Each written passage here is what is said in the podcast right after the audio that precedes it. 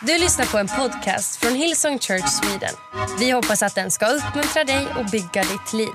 För att få mer information om Hillsong och allt som händer i kyrkan, gå in på hillsong.se. Wow. What a Man, greeting. you can be seated. Thank you so much for the warm welcome. And it is so great to be here with you today. We have been just loving being in this beautiful country, the beautiful city of Stockholm. We love it. This is actually my third time the Stockholm, Lisa's second, but um, we feel so at home. And you know, before we say anything, we just want to give honor where honor is due, and we just want to honor your senior pastors, Yeah. um, Pastor Andreas and Lena. Um, you, I hope you know how blessed you are as a church to have such great leaders, such great pastors who love you so much. And uh, we just want to personally say thank you for, for caring for us this week. Thank you for allowing us to come and, and be this week to help build church with you. Um, we, we love our friendship, and um, we don't get to say it a lot, but you know, from the other side of the world, we get to champion you and celebrate you and everything that God's doing in you. We know that your best days are still ahead of you. The best days for this church, and we know that a revival is going to sweep through Sweden because of what's happening here in the local church. We're big proponents of local church, and so thank you so much to you and your team for your hospitality and having us today. We have loved being here, and if you're so angry about the snow, we're sorry. We prayed for it. We wanted to say that our daughter is traveling with us, and she's never seen snow in 17 years of her life, and so we prayed that snow would come. And so, thank you for departing from spring and heading into the snow. So we are honored to be here, and all of you that are joining from other campuses and online, we just say we've been praying for you. We've been praying for you in this room. We've been praying for this week. We have known coming in here that we were going to invest in relationships, so we've been praying God's word over your relationships, praying healing, restoration, just wholeness, and all that God has for you. So in this room, online, we are just honored. And we, we do thank you, Pastor Andreas and Pastor Lena, for trusting us to invest in this way. And so uh, we are James and Lisa Duvall. We've been married 30 years. I know we don't look old enough, and it kind of, Pastor Andreas, you made it sound like we could have been your youth pastors, but um, maybe we could have. Maybe we're that old. But, um, but anyway, we've been married 30 years. We have three kids, and of the 30 years, we've been in full time ministry building church. We love church, and when we walk into this place, I actually feel at home here. We've been treating it like home, and we've been treated like family, and so thank you so much. And so, this is what I know. I wanted to just spend just a moment making sure that we put our hearts and our minds and our and our position ourselves in a place for the Lord to speak, not for James and I to speak. We have prepared and we have prayed, but we want to invite the Holy Spirit in this. Jesus, we need you. We're thankful for you. We're thankful for how you work in our lives. Uh, without you, what would we do? I don't know. Um, our life is full. It's hopeful. You bring peace. You bring healing and hope. You've designed relationships. You've designed marriage, family, all of it. So we give this time to you. We want you to show up. We've prepared and we've prayed, but God, we want your word. Holy Spirit, come. Holy Spirit, come. Speak to each person and what they need to hear. Translate our words, not just through headsets, but through um, the language of you, God, that would land and hit in the heart just where it needs to. We love you. We give you this time. We honor you. We honor this house. In Jesus' name, amen. amen. So we know that um, relationships are actually God's design. You know, they actually are His design. From the beginning of time in creation, He said, "It is not good for them for a man to be alone." So He created whoa man. Yeah. Yeah, yeah, yeah, yeah, I got you there. So, um, actually, this isn't about marriage, it's about relationships, but he, he designed us to be in relationship together. He designed us in His image. In His image, He is a relational God. So, we're going to inherently be in relationship. That's what He wants from us. So, um, we have all kinds of relationships. Just think about it. We have family relationships, we have work relationships, we have school relationships, we have church relationships. All of these take time. They all take emotional energy. they take mental space. They have rule and reign over how we feel about ourselves sometimes and how our day is going. They have a lot of power. They have superpower in our lives.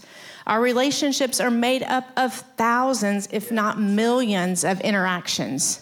Interactions with each other that actually create strength yeah. or they weaken.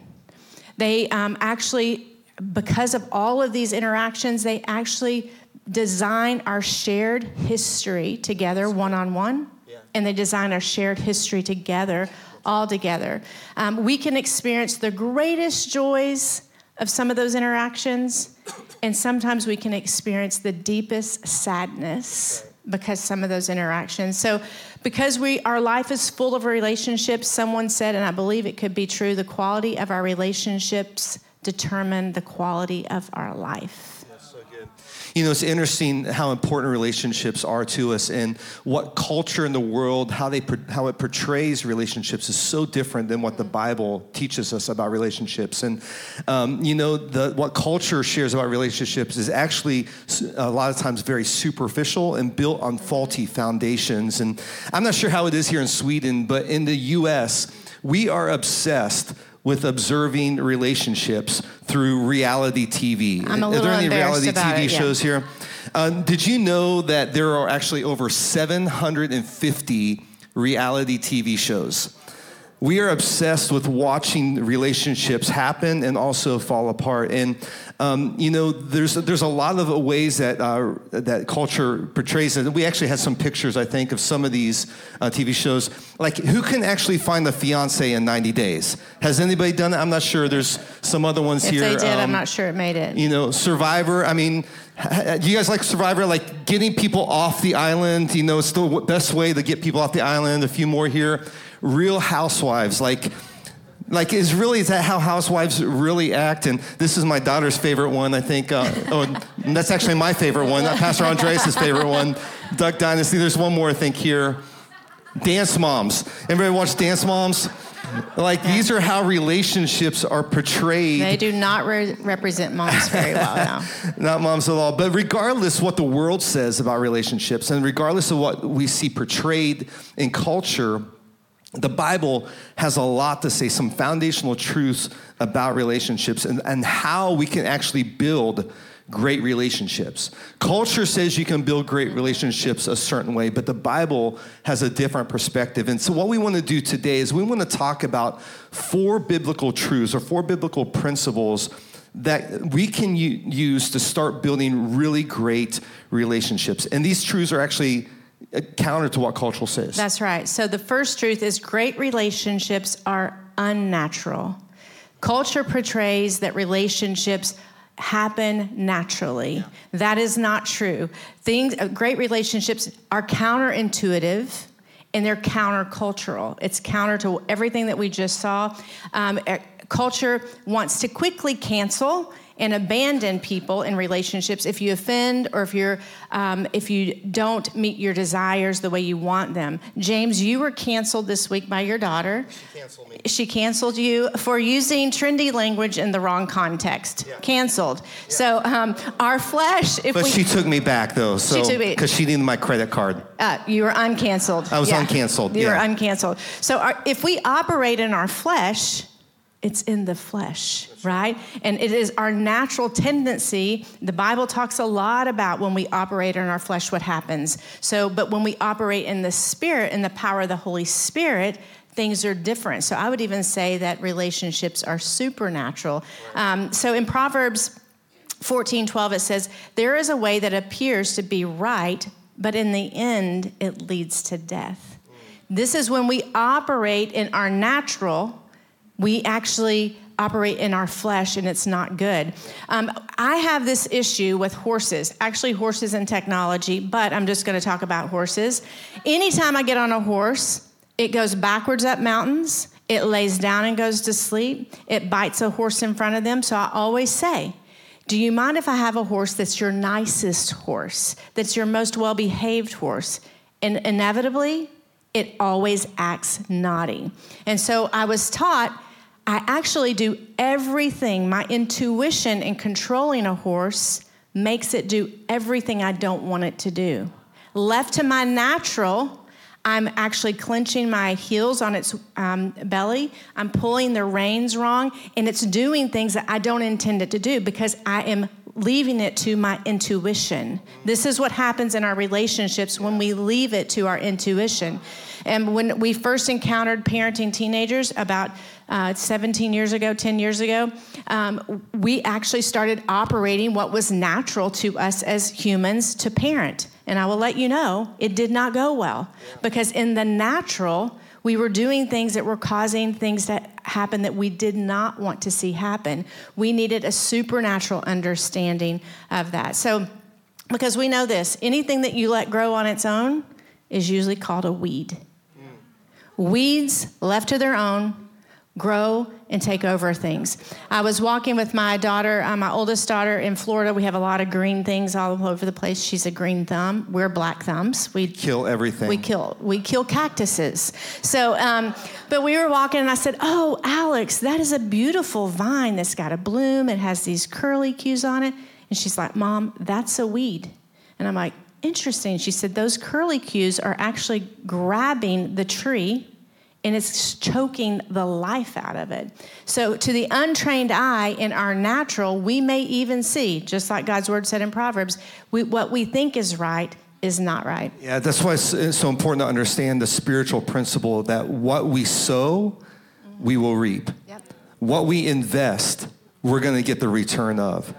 So we have to be intentional about what we what we invest, what we sow in the relationships, so that the outcome will be a great relationship. Yeah. It's what we want. And so uh, there's a couple things that we can be intentional with when we're investing into our relationships. The first thing we can be inv- intentional with is to be intentional with our actions. So the, the actually have great relationships, we have to be intentional with our actions. And the Bible talks about one specific action that is super important when it comes to relationships. It's actually mentioned 147 times throughout Scripture. And it's not natural. And it's not natural, especially in today's culture. And that action is honor. You know, when we honor others, we're actually doing something that's very unnatural, but actually builds into great relationships. You know, when you think about through Scripture, the very one of the very uh, first commandments that God gives is, uh, is an action that requires honor, and it's involved in relationships. And it's the first commandment that he gives that actually has a promise with it that if we honor what, our fathers and mothers, like our days right. will live long, right? right? And so honor is so good. When we look in the New Testament, we see the power of honor in relationship and the power of honor in community. If you remember in Mark chapter 6, verse 1 through 5, that Jesus was in his hometown. And it says that he was unable to perform any miracles in his own, own hometown. Why? Because he was dishonored. The people didn't honor him. You know, the Greek word for dishonor means to treat common or ordinary. So when we are honoring somebody, we honor a person, it's an intentional action to treat them with value and uh, as treat them as precious. You know, um, often we believe that people don't really have relationship issues. What they have is honor issues. Yeah. They don't know how to honor one another. And in our culture, it's so hard to intentionally show honor. I think that's why what uh, the Apostle Paul says in Romans chapter 12, verse 10 is so important. He says, Be devoted to one another in love. And how do you do that? You honor one another above yourselves. There's two other uh, ways that this is translated. One says, outdo one another in showing honor. And the other way is to take the lead in, show, in honoring one another. Mm. I think sometimes we, we get this, we heard this word honor and we confuse it with the word respect. Because respect and honor are actually two different concepts, right. two different, two different words. And we may wonder, it's like, well, how do I honor somebody who's, who's not worthy of honor or somebody who's disrespectful? Sometimes we, we may have grown up in a home where our parents aren't, uh, are hard to, we feel like they're hard to honor because they didn't do a great job parenting or they're not respectful. But there's a difference between respect and honor. We can honor the person, we can honor the, the image of God in them, we can honor who they are we can, res- we can respect the position. You know, respect is earned, but as believers, honor is always given. And so here's what we know about honor, though, in great relationships is that honor actually opens a supernatural door Right. in our life and in our relationships. Yeah. Honor is a language that we all should be able to speak. Honor is a language we all should be able to speak. The truth is, honor is easy to give to those people who we think are honorable. It's not so easy to give to people that we don't feel like are honorable, like you mentioned. We get confused with respect. Um, um, I have three older siblings, so I'm the baby of the family. And at age 11, I was informed by my mom that my biological father wasn't the same as my three older sibling- siblings. So at age 11, I learned this news that I didn't share the same father as my siblings. So for 11 years, I lived in a lie with my family all knowing this information because my mom was um, uh, just had shame with the decision she made to have an affair. And so growing up, I had to choose honor. I had to learn at a very young age what it is to honor someone who authorities who lie to you. And so this is a this is a choice that I had to make. And one of the ways I showed honor, and I've actually obviously grown in this. It took it took seasons seasons of growing in this, is that I actually chose intentional words to honor. So there were actions, as James mentioned, but there are intentional words and how I chose to honor when someone may have appeared to me not to be worthy of honor. The Bible says in um, Proverbs 12, 18, it says, Reckless words pierce like a sword, but the tongue of the wise brings healing. You know, our words either add value to relationships or they're going to take away from a relationship. I had to make the choice to add value to relationships. Um, over the years, um, I chose honor my actions with my family and my mother. It wasn't easy, it didn't seem fair. And the truth is, it took a lot of work, Holy Spirit work in me to make that happen. But this is what I know God's economy is different than the world's economy. Anyone agree? God's economy works different. It's countercultural, it's counterintuitive, it's different than the way the world works. And so I believe blessing and favor follow honor. So, blessing and favor follow honor. One of the principles I learned, which comes, uh, comes from Psalms 141 3 in the Amplified, ver- Amplified Version, says, Set a guard over your mouth, keep watch over the door of my lips. Keep me from speaking thoughtlessly. So, in that season, I could have said a lot of things. And even as I emerged into my young adult years when I had a lot to say, to, you know, I knew everyone who's 20, I'm sorry, when I was 20, I knew everything.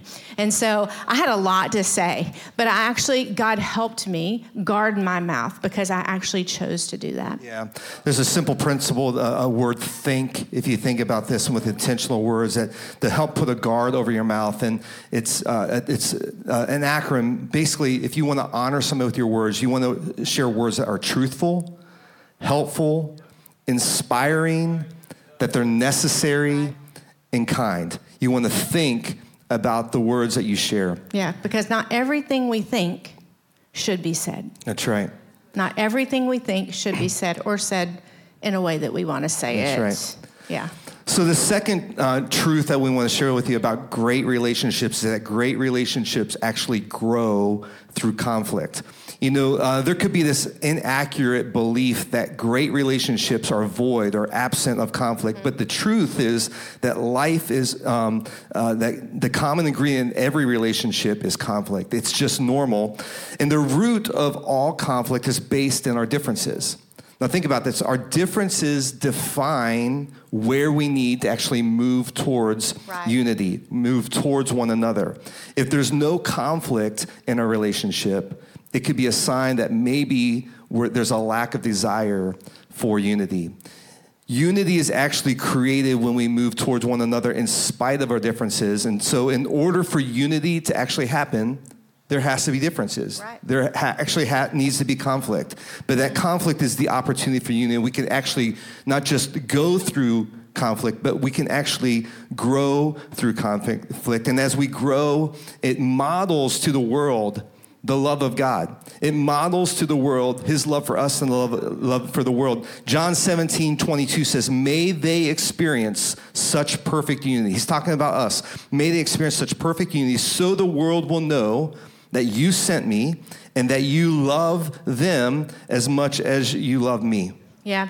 The, pr- the verse that we've been praying over our time here in Sweden is um, John 13 35. It says, They will know you are my disciples by the way you love each other.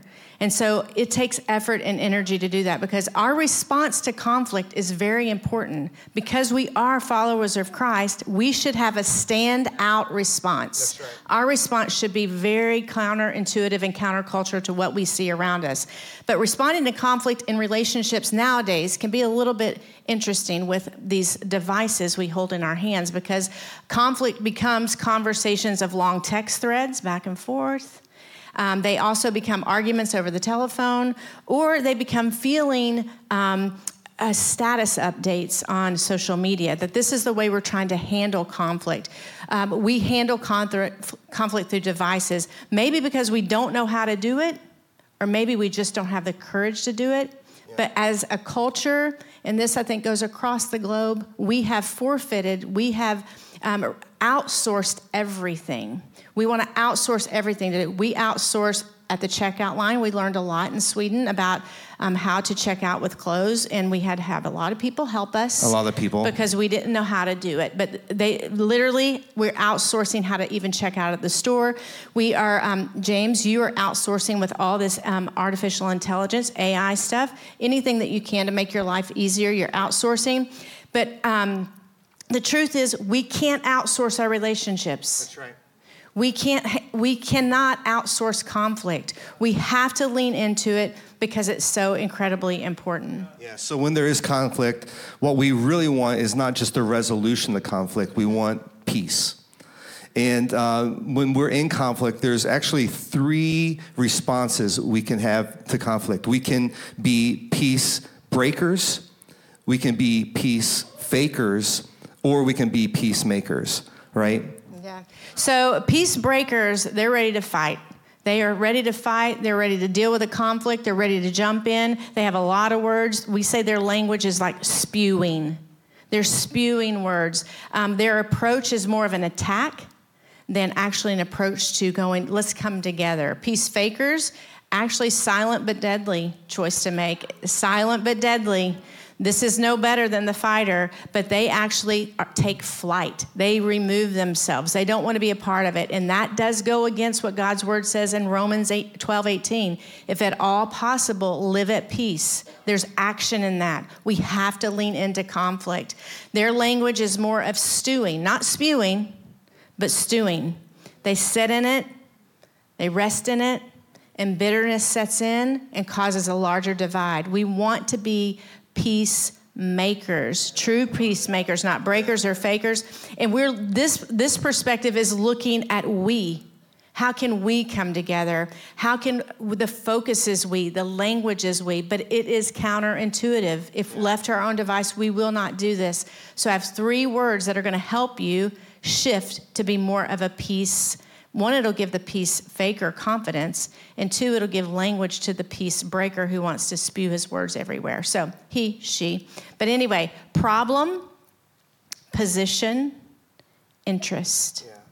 So the problem is is what we're at odds with. Yeah. What's happening? The position is my position versus James' position. Right. And the interest is is where can we come together? Right. When people talk to the problem or their position, you are going nowhere fast. Right. There's not a reconciliation happening. So, a simple way that I like to describe this is when James and I first got married, does the toilet lid go up or who puts it up? Who puts it down? The problem is he leaves it up and I have what I like to call but. I don't bab- see that as a problem at all. Yes, but baptism. So in the middle of the night, I set and I get uh, wide awake. So the pro- the position is he thinks I should put the lid down right. because I saw that it was up. Absolutely. I think he should put the lid down because he last used it. If we speak to this is a very simple um, connection but it's really true if we speak to either of those we're not going to make it anywhere we're not going to be peacemakers and so we we actually speak to the mutual interest of like how do we not have that experience in the night and me scream and what's the solution james I put the toilet seat down. amen that's right that's right Yeah. And all Yeah. the men say amen, right? Yeah. But but that's the thing about conflict because that that moving towards each other, the differences moving towards each other, we can find unity there. Okay, so we're going to talk about the third truth about great relationships and this is that great relationships are built on common ground. Yeah. You know, in an effort to extend grace or to be inclusive, we can wrongly or innocently believe that great relationships can happen with anybody, that we can have great relationships with just anybody. That, that, but the reality is that we actually become the average of our five closest friends. Right.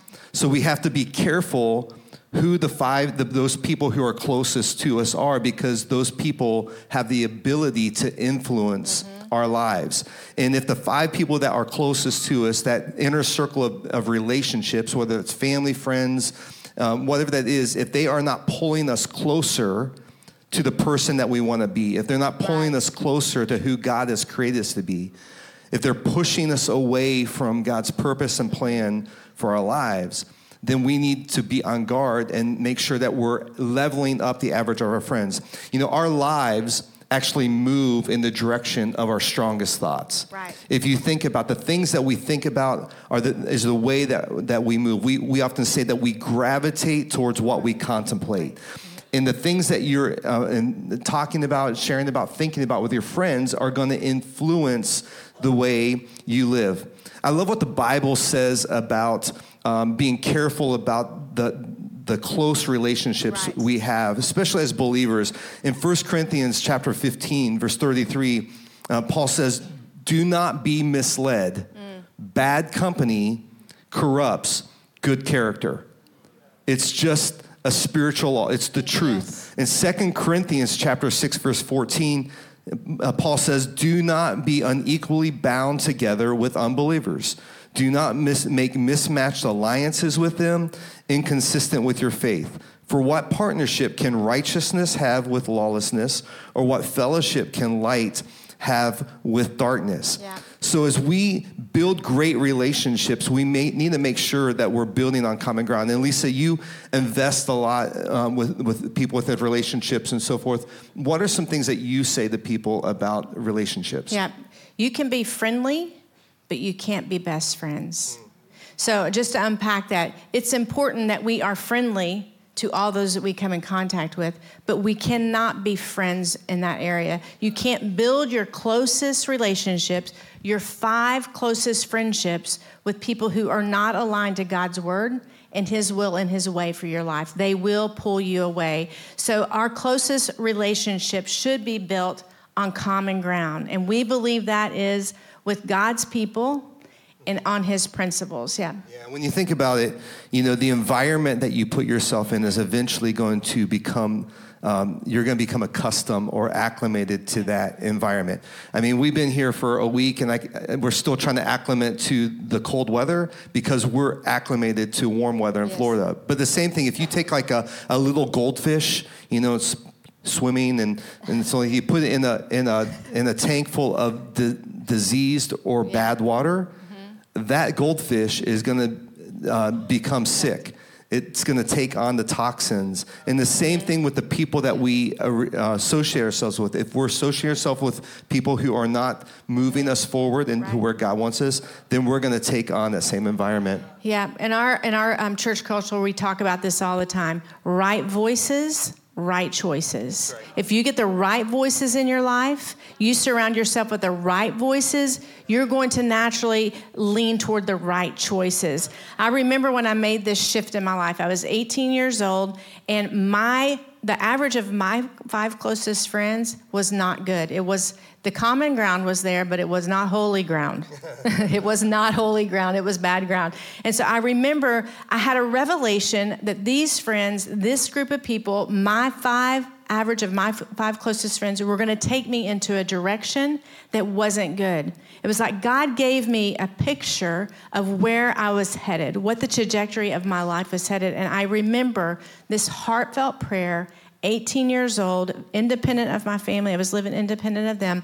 I want something different. I want something different. So I made the choice to go to a Christian college because, of course, all Christians go to a Christian college. Not really at all. Not at all do all Christians go to Christian college.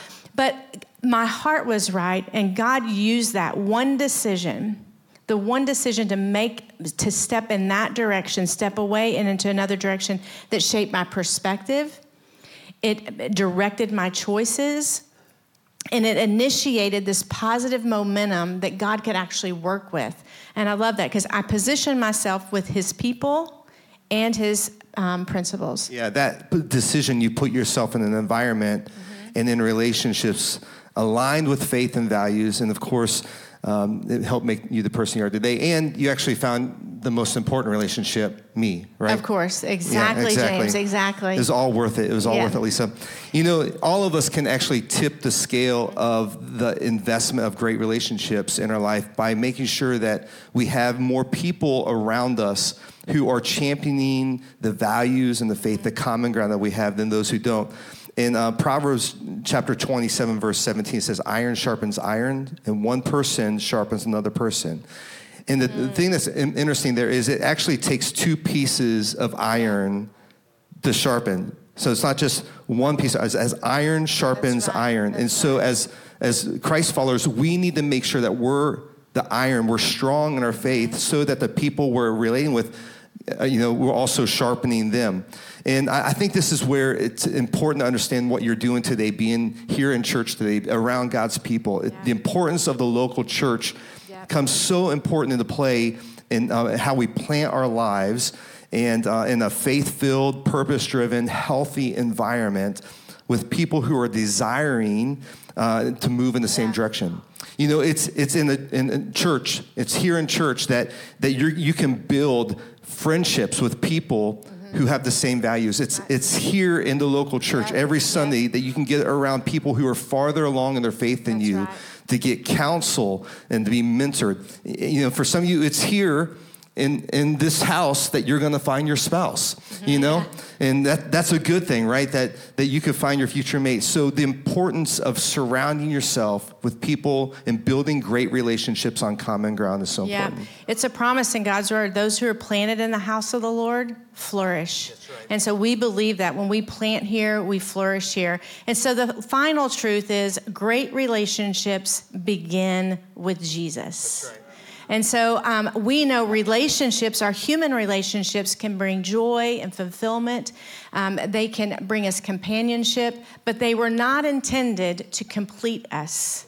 They were never intended to complete us or bring wholeness in our lives. And so, as amazing as James, James, you are in my life, you can't complete me. Right. You can't. It's like our completion in a marriage relationship is only as strong as our independent relationships. And Colossians 2:10 says it, and in him you have been made complete. That's right.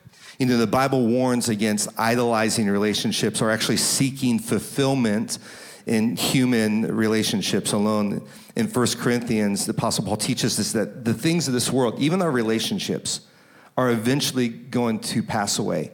So we can't build our life on our relationships. We have to build our lives on Jesus. And our focus needs to be on the eternal things in that re- our relationship with God. Actually, in, in Mark, you know, when Jesus is uh, asked about the greatest commandments, he actually gives two commandments. He says, to love the Lord your God with all your heart, soul, mind, and strength. And he said the second is equally important love your neighbor as yourself. You know, the health of every earthly relationship is going to be based on our relationship with God. It first starts with loving God first, then we can actually love the people around us. And Lisa, you found this out in your story, right? Yeah, that's right. So the decision I made at 18, I had no idea the broader impact it was going to have on my life. I had no idea. I was only 18. I wouldn't I couldn't see James in the future. I couldn't see kids in the future. I couldn't even see myself in a place like this. Speaking to people, godly people like you. I wouldn't have been able to see it. But I know that I was actually, that one decision, I was moving away. I was making the willful choice to move away from unhealthy relationships that I was trying to seek completeness in and wholeness in. And I, I made the decision Jesus, I want you in first place. I want you in first place. I need you in first place. Left to my own, I will not do this well. I need you. Um, so it was lonely and awkward. It's lonely and awkward making that step out. It actually, I'm so proud of myself that um, actually at 18, I had the courage to make that step and that move. And somebody, somebody hearing my voice may need to make that step and that move. Right. And it's the most courageous thing you can do. And loneliness will go away because God will fill in all the things. But this is the this is what I realized is when I put Jesus in first place, He positioned everything else to fall into place. Right. So once I put him in first place and I'm like, I'm not turning back, I am locked in, my step is moving forward. I'm, I'm not turning back. He positioned things to open up for me. And it's interesting, amazing enough, because I really believe those who are planted in the house of the Lord flourish because I planted my house, myself in the house of the Lord, and the church came around me in a way like none other. So, Jesus, in his mercy and his timing, and in his way really started filling in the gaps of family for me. I had lots of gaps in my life, so many I couldn't even possibly explain to you in two hours, much less 30 minutes. But um, as a, that 11 year old girl who was broken and fatherless was confused about what in the world does this even mean that my sibling's dad isn't my dad? What does that even mean? That over the years, God has brought in five godly men. So thank you, men, you're in this house, living the life that God calls you to because you're filling in the gaps for people like me. Yeah. Moms, you're being spiritual moms in here. You're filling in the gaps for people who haven't had a mom. And so God began to do that and started bringing so much healing in my life through his people. It wasn't because of them, it was because of God and because I put him in first place, but it all started there. That I recognize Jesus has to be in first place, then all of those other things will fall into place. You know, the truth is that the world wants to diminish yeah. the power of a relationship with Jesus. They want to make it feel small, mm-hmm. like a life surrendered to Jesus is a small life. But we know that a life surrendered to Jesus is actually a full yeah. It's a, it's a big, it's an abundant life. Yes. We like to talk about the John 10 10 life, where Jesus said, The thief comes to, and only in order to steal, kill, and destroy. He said, But I yes. have come that they may have life and enjoy life and have it to the abundance, to the full, till it overflows. Mm-hmm. See, when we make the decision to make Jesus the center of our life, yes. it doesn't, we don't shrink back we actually experience an abundant life. Yes. You know, and it all goes back to the, the first truth about relationships. When we are intentional with honor, you know, when we honor the relationship with Jesus, that He wants to have a relationship with us, mm-hmm. and we intentionally invest in that relationship, we step, we step into that relationship, that we experience the gift of life that God wants to have for us. And you know, when we when we have this relationship with Jesus, it empowers us to actually honor one another. Yeah. It empowers us to speak words of life over one another. It empowers us not to just uh, to step go through conflict, but to be peacemakers and and grow through con- conflict. Right? It empowers us to be the iron that sharpens other people. It empowers us to walk in victory in all our relationships. And so we're so passionate about the power of relationship and the power of what happens in the local church. And we want that for you too, because the hope of the world is the local church. Yeah. The hope of the world is how people see us living out relationship. That's right. What's going to change the world is us doing life in a real way, in an abundant John 10 10 life that people go, I want that kind of relationship. Yeah. I want that kind of friendship. I want that kind of marriage. I want that kind of relationship in my family. And we do it by building great relationships, all founded on the truth of the Bible and the power of Jesus Christ. Amen. Amen. Amen. Amen. And I want to pray for you. I want to pray two prayers. So if you bow your heads, I just want to pray for relationships today. That God would give you the power and the victory to live with boldness and strength in whatever relationship that is. If that's in your marriage, if that's in a friendship, if that's if that's in a dating relationship, if that's in a work, a business relationship, that you can uh, live with the power and the boldness of the scripture of the Bible to live great relationships. And then I want to also pray today that maybe you're here today and you haven't started that first relationship with Jesus. And so you're trying to do relationships on your own.